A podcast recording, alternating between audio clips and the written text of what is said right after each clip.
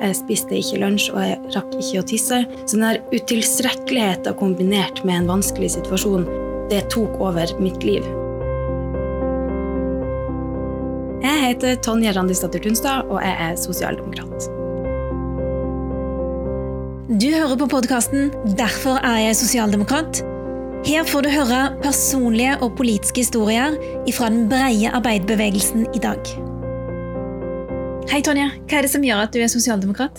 Du, det er lett. Eh, det er fordi at jeg har eh, erfart sjøl eh, hvor viktig fellesskapet er for den enkelte, både privat og gjennom min jobb som barnesykepleier. Hvordan er det du har erfart det? Eh, personlig så har jeg hatt en, en, stang ut, en liten stang ut i livet, eller en på tur til å bli en stang ut i livet, som ble hanka ganske fint inn igjen av at folk så, eh, stilte opp og eh, ga meg den hjelpa som jeg trengte på det tidspunktet. Hva var det som skjedde? det som skjedde, altså Jeg jobber jeg er barnesykepleier, og den jobben er stort sett verdens fineste og mest givende jobb eh, tidvis eh, den vanskeligste i verden, tror jeg kanskje. Det som skjedde, var at jeg syntes at jobben min var så heftig eh, at det rett og slett gikk ut over alt annet jeg drev med i livet. Jeg begynte å plukke bort eh, alt som ga meg glede i livet. Alt eh, som, eh, som, jeg holdt på med ellers. Tenkte bare på denne situasjonen på jobb som jeg syntes var vanskelig. Eh, det handler også om, om, de ressursene som ble gitt. Og vi kjenner jo effektene i eh, bemanningsproblematikken som det medfører. Jeg spiste ikke lunsj, og jeg rakk ikke å tisse. Og jeg rakk bare å tenke på akkurat det um, som, som, jeg måtte gjøre av brannslukningsarbeid på jobb. Så den der utilstrekkeligheten kombinert med en vanskelig situasjon uh, for særlig pasient og pårørende, men da også for meg som, som arbeider, gjorde at, at, det tok over mitt liv. Eh, I så stor grad at eh, det endte med en eh, ja, mild til moderat depresjon. Hvem var det som stilte opp for deg, Tonje? Eh, det var familie, det var kollegaer, og det var også helsevesenet. Jeg gikk eh, til fastlegen. Eh, han tok det på alvor med en gang og sendte meg til Nav, til en sånn raskere tilbake Eh, prosjekt hos en psykolog som har gjort meg masse. Og hvor er du i livet nå? På en mye bedre plass. Og det tok ikke så veldig lang tid heller.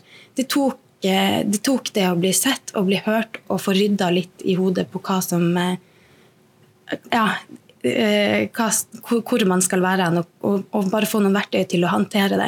Jeg tror ikke det kosta så veldig mye. Tre psykologtimer, så var livet mye bedre. Det er ganske sterkt å høre deg fortelle om dette. her. Hva er det dette har lært deg? Eh, det har lært meg verdien i å tørre å si at nå er det vanskelig. Fordi at det er det for alle av og til. Alle får stang ut av og til.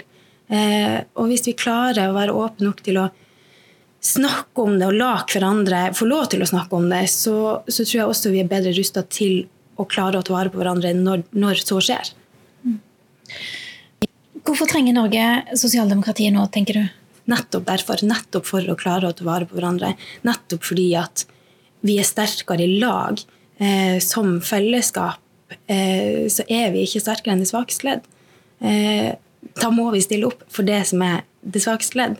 Eh, det handler om Altså, jeg, ser på det litt som vaksiner. Er veldig pro vaksiner. Det er det her med flokkimmunitet. Hvis, hvis vi alle som kan vaksinere oss, vaksinere oss, så tar vi også vare på de som ikke kan det.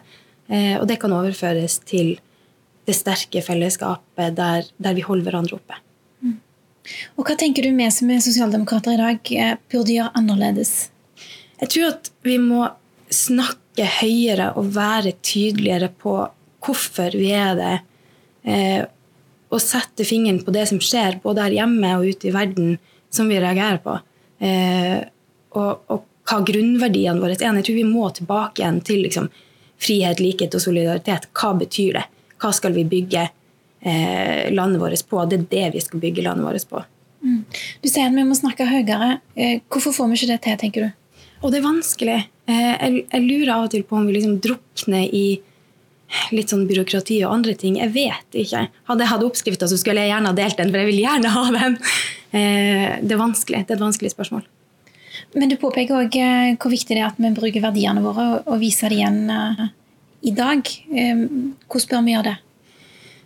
Jeg tror at hvis vi snakker om det Jeg, jeg tror at uh, oppskrifta på mye er å snakke om det vi tror på, og hvorfor vi tror på det.